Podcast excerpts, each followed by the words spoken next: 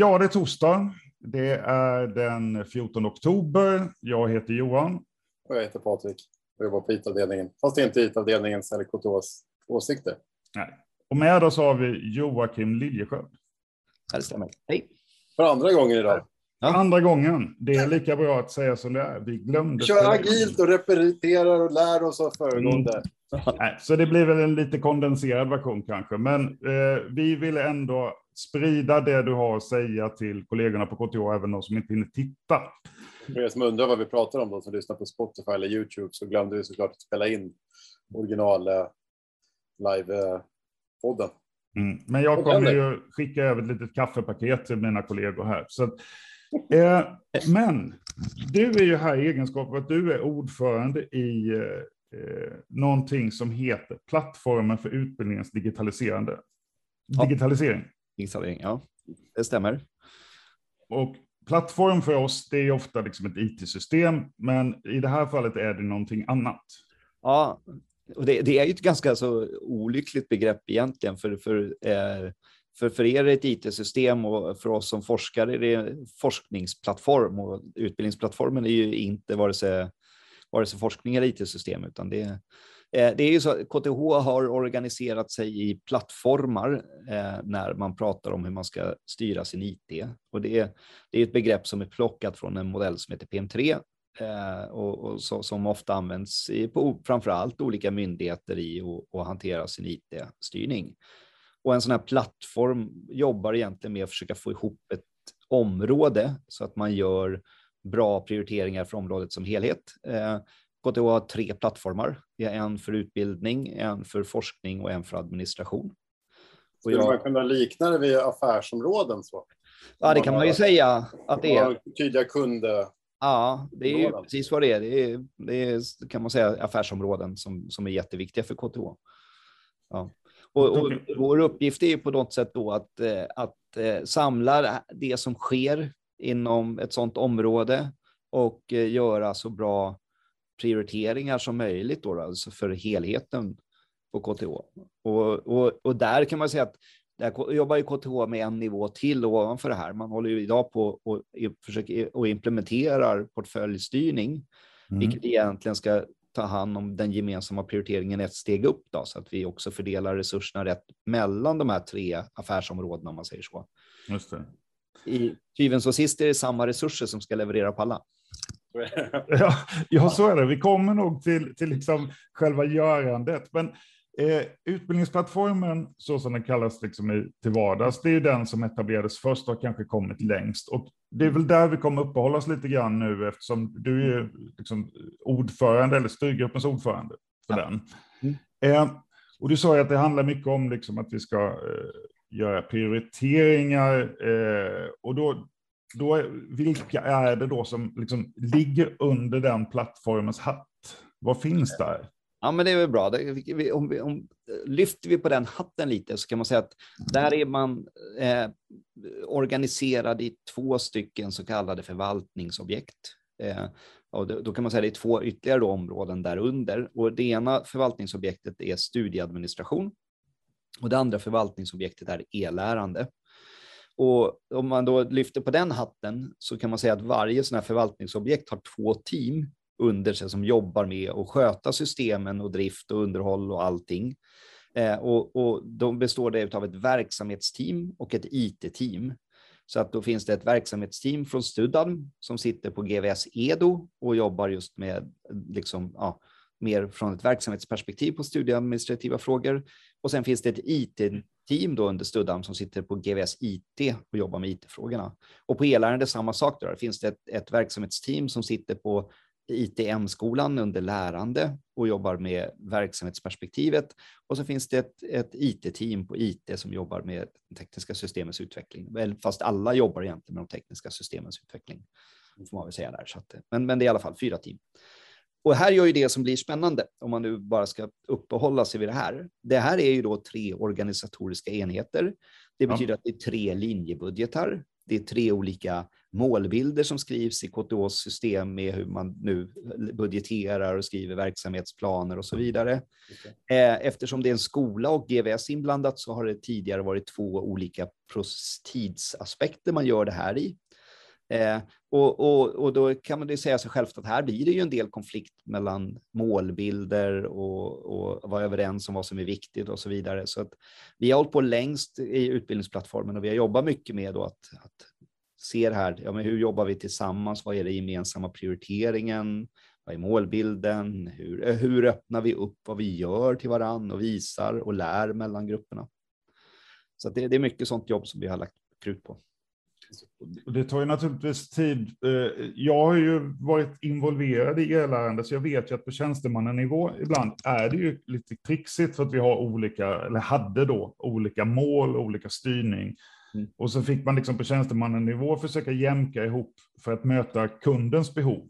Mm. Eh, Medan man på ledning då kanske hade olika strategier eller inte riktigt. På den tiden så, så kommunicerade man ju inte på det sättet eh, kring, kring samverkan. Så det har nog hänt ganska mycket där. Eh, ja. Hur ser du den resan? För du har ju varit med. Ja, men det, det har hänt jättemycket på, på den resan. Det är svårt att beskriva det så här, eh, men jag, jag, skulle, vi, jag skulle säga att man, vi har jobbat jättemycket på transparensen i vad man gör och vilka resurser som man faktiskt har och hur man prioriterar och hjälpa till då i de prioriteringarna. För det blir väldigt jobbigt på tjänstemannasidan om man blir kontaktad av en lärare och så ska man göra det också, det också, det också. Man, eh, många av de som jobbar i de här teamen är ju extremt serviceorienterade egentligen och, och då blir det lätt att man knäcker sig. Så här, här är ju väldigt viktigt att vi hjälper till med prioriteringarna och eh, lyfter upp då, då det här är det som är viktigt, det här är det vi ska jobba med. Så en av de resorna man har gjort är att vi har ju gått över till ett agilt arbetssätt i, i alla de här teamen och grupperna, eh, steg för steg får man ju säga, eh, och har kommit en bra bit på vägen och jobbar agilt i, i processerna. Sen som på många, eh, eh ibland uttrycker jag mig klumpigt här, men, men, men på som på många företag så är det väl så att vi kan jobba mer på användarinvolverandet Eh, det, det, det, är väl en bit som man ser många utvecklingsorganisationer kämpa med och som vi då kanske måste jobba ännu mer på att få till en bra kontakt med lärare eh, och, och, eh, och, och, få in användarperspektivet. Sen är det svårt för KTH är verkligen, lärarna har extremt olika behov. Det finns inte en gemensam behovsbild. Så att det, här igen kommer en sån här plattform in att faktiskt göra jobbet i att, att se till att det sker en bra insamling om vad behoven är och sen så förankra och bestämma. Just det. Som bygger IT-systemen. Vi som bygger IT-systemen känner ju väldigt mycket igen oss i det här att, att någonting som en beställare som kommer från en skola tycker att det här är jätteenkelt, det är bara att införa för att så här funkar det. Mm. kan gå diametralt motsatt från någon annan skola som tycker att det där pajar hela vår process för att det finns ingen samordning där.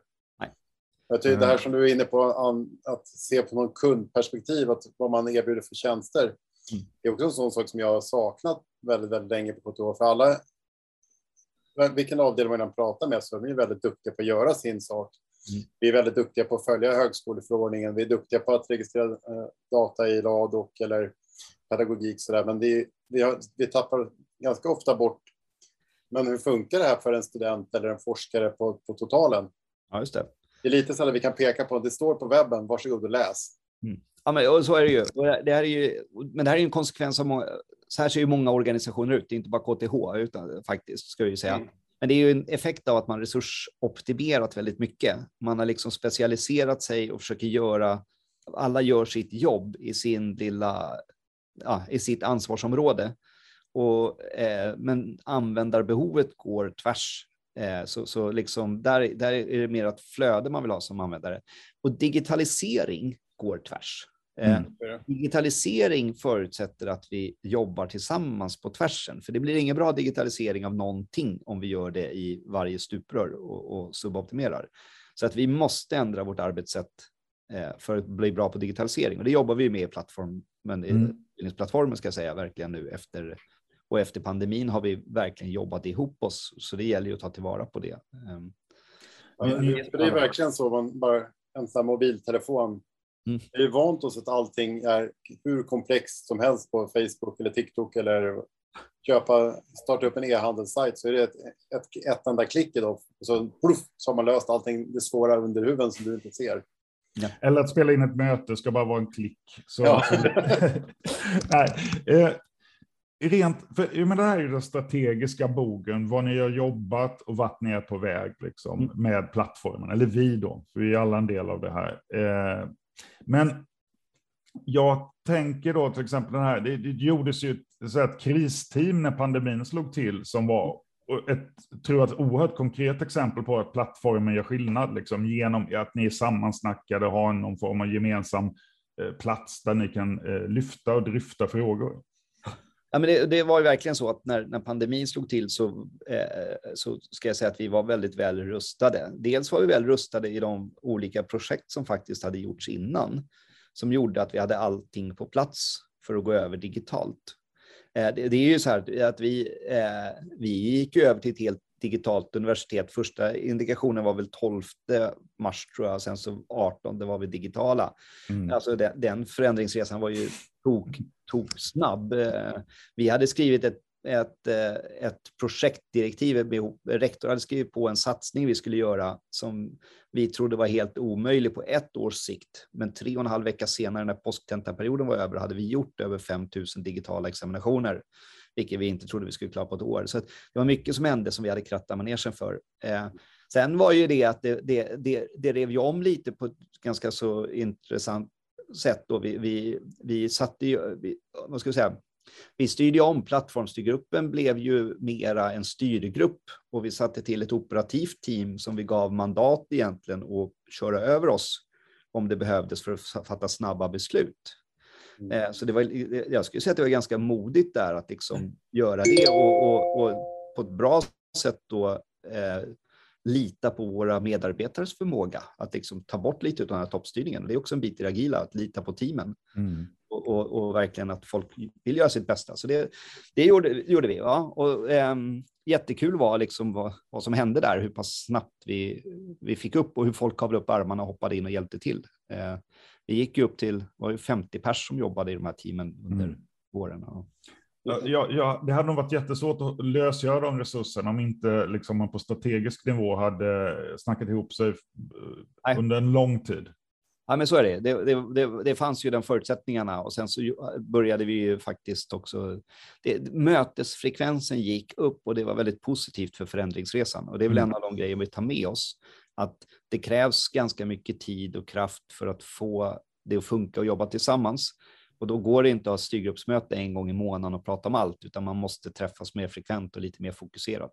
Eh, mm. Det är en jätteviktig lärdom jag är med lite på, på ett hörn som sagt, i, i hur får ihop de här olika grupperingarna mellan ITM och GVS. Jag tycker det där är en rolig sak, för det finns ju så väldigt mycket kompetent, bra folk på KTH som verkligen, verkligen brinner för att göra ett bra jobb. Det är väldigt få människor man träffar på här som inte vill göra ett bra jobb. Nej. Och när folk får en mening och förståelse varför de ska göra någonting eller prata med någon annan och så här, men det där kan vi lösa tillsammans. Mm. Då går ju förändring väldigt, väldigt fort. Ja. Men föräldrar går väldigt, väldigt långsamt när någon säger ni måste göra det här därför att. Ja. Då, har man inte, då har man inte förstått varför, då är man inte själv med på tåget. Nej. Att, det är, det är, och det jag uppfattar när jag pratar runt kring eh, de här plattformarna, att folk är så här, ja, ja men det är självklart, det är nästa steg. Ja. Mm. Det, det, mm. det är väldigt, väldigt roligt måste jag säga. Ja, men det, det är det. Kan, kan du nämna lite, för utbildningsplattformen då som vi kallar den i, i, i, liksom i, till vardags då. Eh, vad, vad, är det för större satsningar som, som vi kan liksom nämna som ni har liksom orkestrerat den vägen? Ja, men en av dem är ju digital examination. Den är ju jätte, jättestor. Eh, den gjorde vi redan innan pandemin, eh, så vi hade kört ett sådant projekt där. Sen styrde vi om det projektet under pandemin till att stötta då examination på distans och nu är det tillbaka på digital examination. Och då kan man ju se att KTH gör 100 000 papperstenter per år innan pandemin. Eh, det lämnas in 100 000 papperstenter. Det lämnas in 1,1 miljoner sidor papper och de skannas två gånger. Så det, det, mm. det är ju liksom en sån process där vi kan jobba mycket. Och, och om man bara räknar lite business case orienterat, kan vi effektivisera det flödet en minut per sida i, i total hanteringstid? Det är 8,8 heltidsekvivalenter. Mm. Så det är liksom, business casen finns ju där att jobba med det. Ja. Eh, och där kan man väl se att ja, en, en av anledningarna till att vi gör mycket pappersexaminationer, det är ju eh, det, dels är det ju tradition. Eh, sen är det så att i en del fall så är det bästa ja. sättet att examinera, eh, men i många fall är det ju mer tradition. Ja, av hävd. Och, och, ja. av hävd. Och då är, där är det ju så att vi ehm, men det finns vissa saker som, som är svårt att ersätta digitalt. Eh, till exempel att man faktiskt gör, att det är rättssäkert så tillvida att man gör en ID-koll på studenten och att man säkerställer att de inte kan fuska för de sitter ja, och, och gör examinationen liksom under övervakning igen då kan man lägga det perspektivet som jag tycker är spännande. Det är inte många ingenjörer som jobbar så när de kommer ut och jobbar. Att de blir inlåsta i dumt fyra timmar ensamma för att lösa ett ingenjörsmässigt problem. Det gör man tillsammans i grupp. Men, mm. men, men den, den, ska vi inte kanske ge oss in på här. Men, men grejen är att jag tror att vi kan vinna ganska mycket effektivisering på att en del av de här delarna i en examination i alla fall digitaliserar man och kanske till och med automaträttar och och kan styra frågorna lite efter vad, vad, hur studenterna svarar. Man kan individualisera examinationen. Sen är det delar i en examination som kanske då man vill ha ritinput eller annat, så vi måste utveckla funktionen digitalt. Men vi kan se att ganska mycket av många av de här tentorna, vi gjorde en analys på, på, på tentor, och eh, ganska mycket av det här kan ersättas med, med, med bra digitala verktyg. Och då kan man spara väldigt mycket tid till lärare och den tiden skulle man kunna återinvestera i mycket bättre dialog med studenterna. Mm. Så det är ju ett perspektiv på det här. Och det här hade ju varit omöjligt om det inte det fanns ett diskussionsklimat som fungerar mellan de olika förvaltningsobjekten. Ja, eh, för det, det kräver insatser på båda håll, inte bara eh, person utan vilja och en gemensam bild. Ja. Eh, och det är väl plattformen som är, är, den plats där det har uppstått. Och plattformen är ju den plats det är uppstått och där har man också andra saker vi har gjort är att försöka utveckla funktion och skjuta över resultat från Canvas in i Ladoc som mm. preliminära resultat. Eh, göra digital rättning på skannad tenta så man kan använda speedgrader och rätta och, och så är en lösning som kommer nu om den inte redan är ute. Eh, så, så, det är ju sådana projekt vi har jobbat med. Vi har jobbat mycket med kursinformation. Eh, det är, det är ju en återkoppling som har kommit från studenterna väldigt länge. Eh, och bland, bland annat liksom med, med studentkommunikation, men, men å andra håll har vi fått det att man vet inte om man ska hitta kurs-PM, Canvas-sidorna ser olika ut för alla studenter. Eh, och, och liksom det, det, är lite förvirrande hur KTH egentligen lägger upp det. Och där har vi jobbat med att det finns har liksom försökt få till ett plats att lagra kursanalyser. Vi har tagit fram en mall för kurs-PM som numera blir obligatoriskt så att man kan få systemstöd att, få, att ta fram ett kurs-PM. Eller om man inte vill det så kan man ladda upp sin egen pdf. Men det finns ett ställe nu och inte massa hemmasidade hemsidor som där ligger på. Eh, och sen så på Canvas så finns det numera en mall, som, så, eller finns mallar, mallrum som man kan ha. Det var ju, har vi pratat länge om, men när pandemin slog till och vi började skapa de här tentakursrummen så blev det så att vi satte en mall och det var väldigt uppskattat. Och då fick vi med oss skolorna, för det var också en grej där att här måste man jobba ihop med, med skolorna. Då tyckte skolorna det var en bra idé eh, att vi gjorde det, så nu finns det en mall, standardmall där. Mm. Så det är också projekt som vi har drivit och få fram. Och jag, jag som lärare kan jag säga att det är jättespännande. På, på sikt måste vi bli bättre på att få ut eh, kursdata, men om man tittar på den här kurs-PMs-mallen när man använder den, så kan man ju faktiskt börja suga ut data när läser studenterna kurs-PM. Mm. Läser de där dokumenten, det visar sig i min kurs läser de extremt mycket och de läser inte bara i kursstarten utan de läser flera gånger under kursen. Mm. Det har att göra med att jag har kontinuerlig examination säkert, men, men i alla fall, jag kan se liksom hur det används. Så det, det kan jag bli bättre med eh, ja, utveckla min kurs baserat på den informationen. Så det finns mycket att vinna på att inte bara köra ut en pdf någonstans i virtuella rummen. Nej, och det, det där plattformen har ju funnits ganska länge och det går nog åt ganska lång tid för att komma igång och kunna realisera de här lösningarna. Eh, för det här är ju saker som en enskild lärare kan ha svårt att, att artikulera att det här vore ett önskemål, utan det är ju, ibland måste vi också komma proaktivt och föreslå saker och säga att vi tror att. Ja. Det, är, det är väldigt mycket kultur och det är inte IT utan det är verksamhet. Och, och, hur metoder och hur man jobbar och vad man vill ha för mål och effekter. Det där är ju mjuka värden som, som där all, värdet sitter i det mjuka och det tar lång tid ja. att få sig ändra på jag tycker kurs, just det här kursinformationsprojektet, om vi tittar på kurs-PM, är jättespännande projekt att se. Det fanns ju ett, ett pedagogiskt utvecklarprojekt som hade tagit fram just identifierat behovet på kurs-PM och det fanns andra ställen där man hade identifierat det. Eh, jag själv som en gammal GA vet att där, där det saknades kurs-PM, det var många av de kurserna vi hade problem i.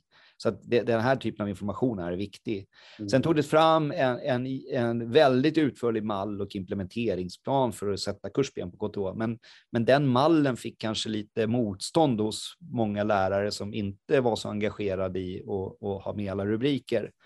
Eh, så det, då jobbar vi mycket med användarperspektiv och användarcentrering. Vi hade med UX-kompetens som jobbade just med användarupplevelsen och vi hade en duktig projektledare som, som liksom verkligen, och ett duktigt team som jobbade med användare. Jag tror att vi hade 78 personer, eh, kompetenser inblandade i det projektet för mm. att ge information och feedback. Så att göra ett litet enkelt IT-systemsutveckling kräver enorm förankring och många människor på KTH för att det liksom komma någon vart. Och då tycker ändå ganska många att de inte har blivit hörda. Exakt. Ja, för, eftersom vi pratar om verksamhet och metoder och där användarcentreringen, då, då har vi en massa kompetenser. Idag så har vi ofta en beställarkompetens och en IT-kompetens.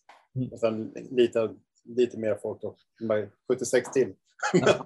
men, men det är väldigt i just de här teamen som jobbar och som man vill ska kunna vara autonoma och jobba snabbt så, så saknar vi väldigt många kompetenser som mm. kan bryta ner. Just att, hur ändrar man den här... Behöver man en beteendepsykolog som säger varför har ni papperstenta för?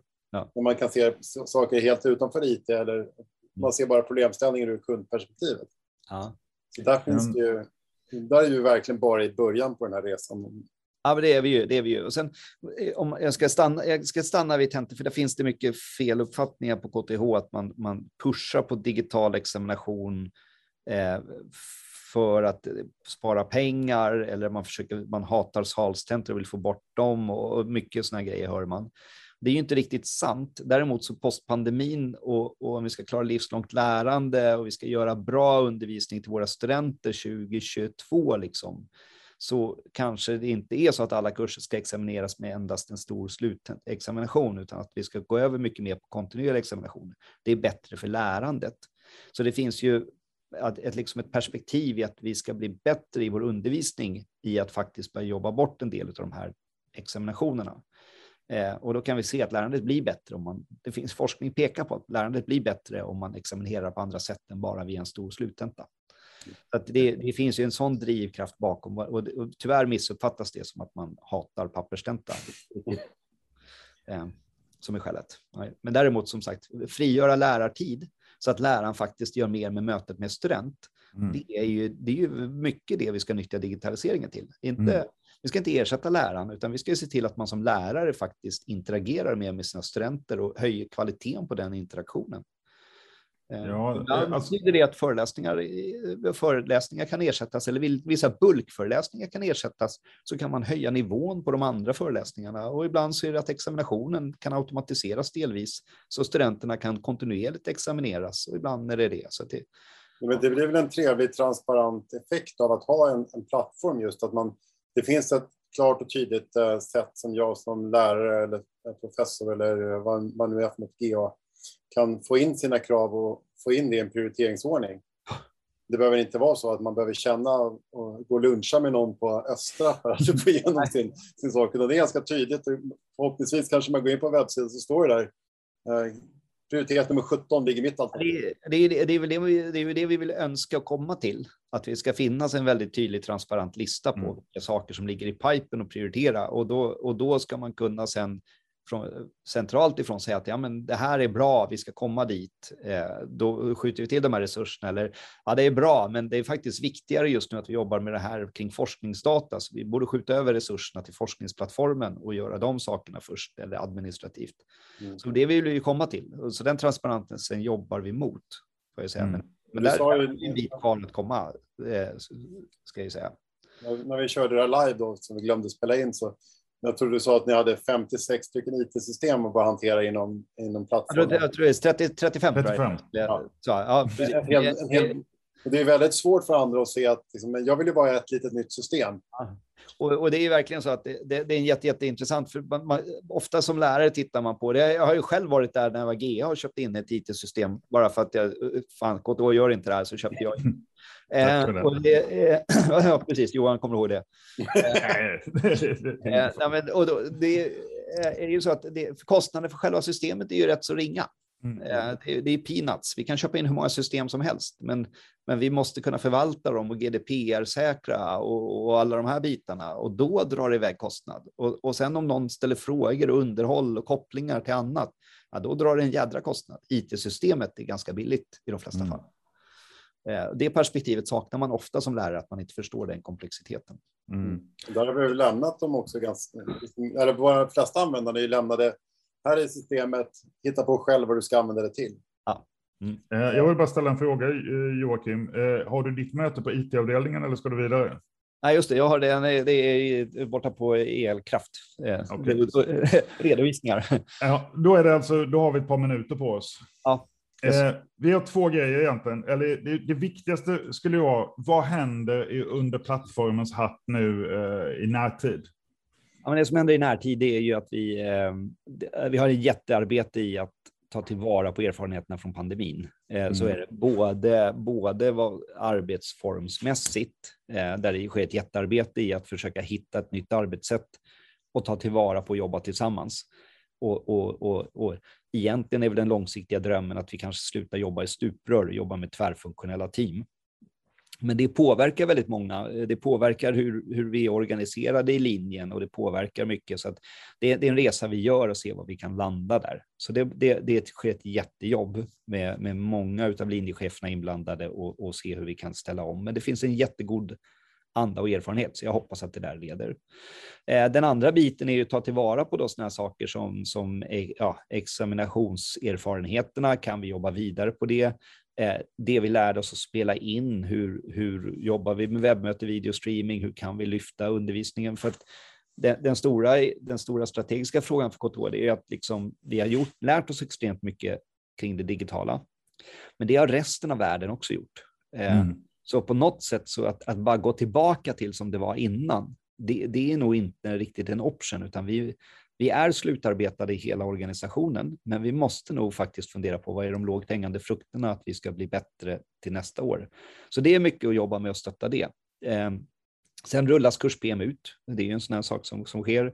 Eh, digital rättning på skannad tenta rullas ut nu.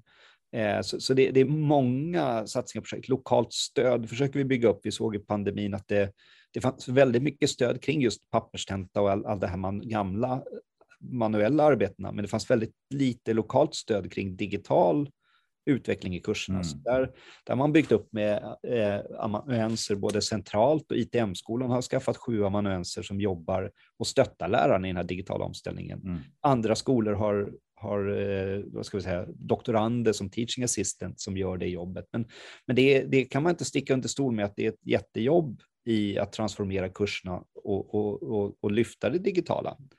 Eh, och den pedagogiska utvecklingen ska man göra, men man kan, jag tror att handen på hjärtat så kan många lärare nog fundera på hur mycket utveckling man gjort de sista fem åren i sin kurs. Eh, mm. så det, det, det, men, men där är det nog så att det gäller att hålla i nu och, och, och lära av varann liksom vad som funkat bra. Eh, mm. Eh, sen, har vi ju, och sen har man under pandemin har man utrustat massa salar med, med de här orangea kablarna som man kan plugga in och köra hybridmöten. Så att ljudsystemet från headsetet i salen går ut över Zoom. Eh, man har installerat ett antal dokumentkameror så man kan på Zoom då koppla upp dokumentkameran och rita för hand så det syns. Så det finns massa möj nya möjligheter att på enkla sätt både köra hybrid här under hösten vidare när det behövs och, och även i framtiden som, som det. Um, så att alltså det, ja, men, men, på kort sikt är det att, att, ta tillvara på de här erfarenheterna och driva de projekten. Och sen tror jag, jag vet inte om vi sa det med kurs, kurs PM som sagt, det, det har ju bestämts att det ska, det projektet som vi gjorde för något år sedan, att det ska bli obligatoriskt med kurs PM nu och då, då kommer det behöva rullas ut och stöttas i det förändringsarbetet. För många kurser har ju ett kurs PM det blir en kvalitetshöjning om man arbetar om det här med den nya mallen. Eh, för den är verkligen, den nya mallen är framtagen över hela KTH, så den, den är en, ofta en bättre mall. Jag, jag själv lärde mig jättemycket på att stoppa över mina kurs-PM i den här nya mallen. Eh, så, att, ja, så det finns mycket jobb som vi behöver jag, göra. Jag tror att vi får alla anledning att återkomma till dig och till eh, plattformen, eh, liksom lite löpande, för då skulle ni kunna också hinta lite om vad som är på gång, liksom, tills den här bruttolistan är transparent och allt det där finns på plats. Så det, det är en lång resa att ta sig dit. Det är ju ja, det är det, ju, det är det ju verkligen. Och det, jag tror att flera av de här projekten som vi driver skulle vara jättespännande att de var här och pratade, både både lokalt stöd och, och digital examination och, och, även då webbmöte, videostreaming. Hur gör vi bra digitala möten? Ja. En mm. jätte, jätteviktig fråga för oss. Ja, det är toppen och vi ska spela in de mötena också. det finns ett helt, helt gäng eh, med sådana eh, tidigare poddar också man kan kolla på om man vill ha inspiration när man kör open space och ja, och sånt. Ja. Whiteboardverktyg kopplat till och sånt. Men mycket, mycket stort tack Joakim att du tog dig tid, verkligen extra tid också eh, och berättade. Och jag tror att eh, har man frågor, undringar så finns det information om, om plattformarna på webben och där kan man ju också hitta kontaktpersoner. Ja, och det är bara att höra av sig. Ju mer kontakt vi får med, med de som använder de här systemen, desto bättre. Vill ni komma, komma i kontakt med Johan och mig så finns det i Slack en kanal som heter Fikapodden där ni kan gå med. Får ni lite notifieringar när det är nya avsnitt och sånt också. Mm. Ja. Eller föreslå saker ni vill att vi ska, ska prata om, så tar vi upp det. Mm. Så skulle jag vilja tacka de som kommenterade och uh, var med i chatten i live-episoden som vi inte spelade in. Nej, uh, fast vi tog upp det de sa tror jag nu. Ja. Mm. Men det var lite Kattis och det var uh, Joakim Jaldén. Björn Det var lite. Mm. Tack till er. Det är ni som gör det. Ja, absolut. Tack, tack. Episod 32. Puss och kram. Tack. Ja. Hej.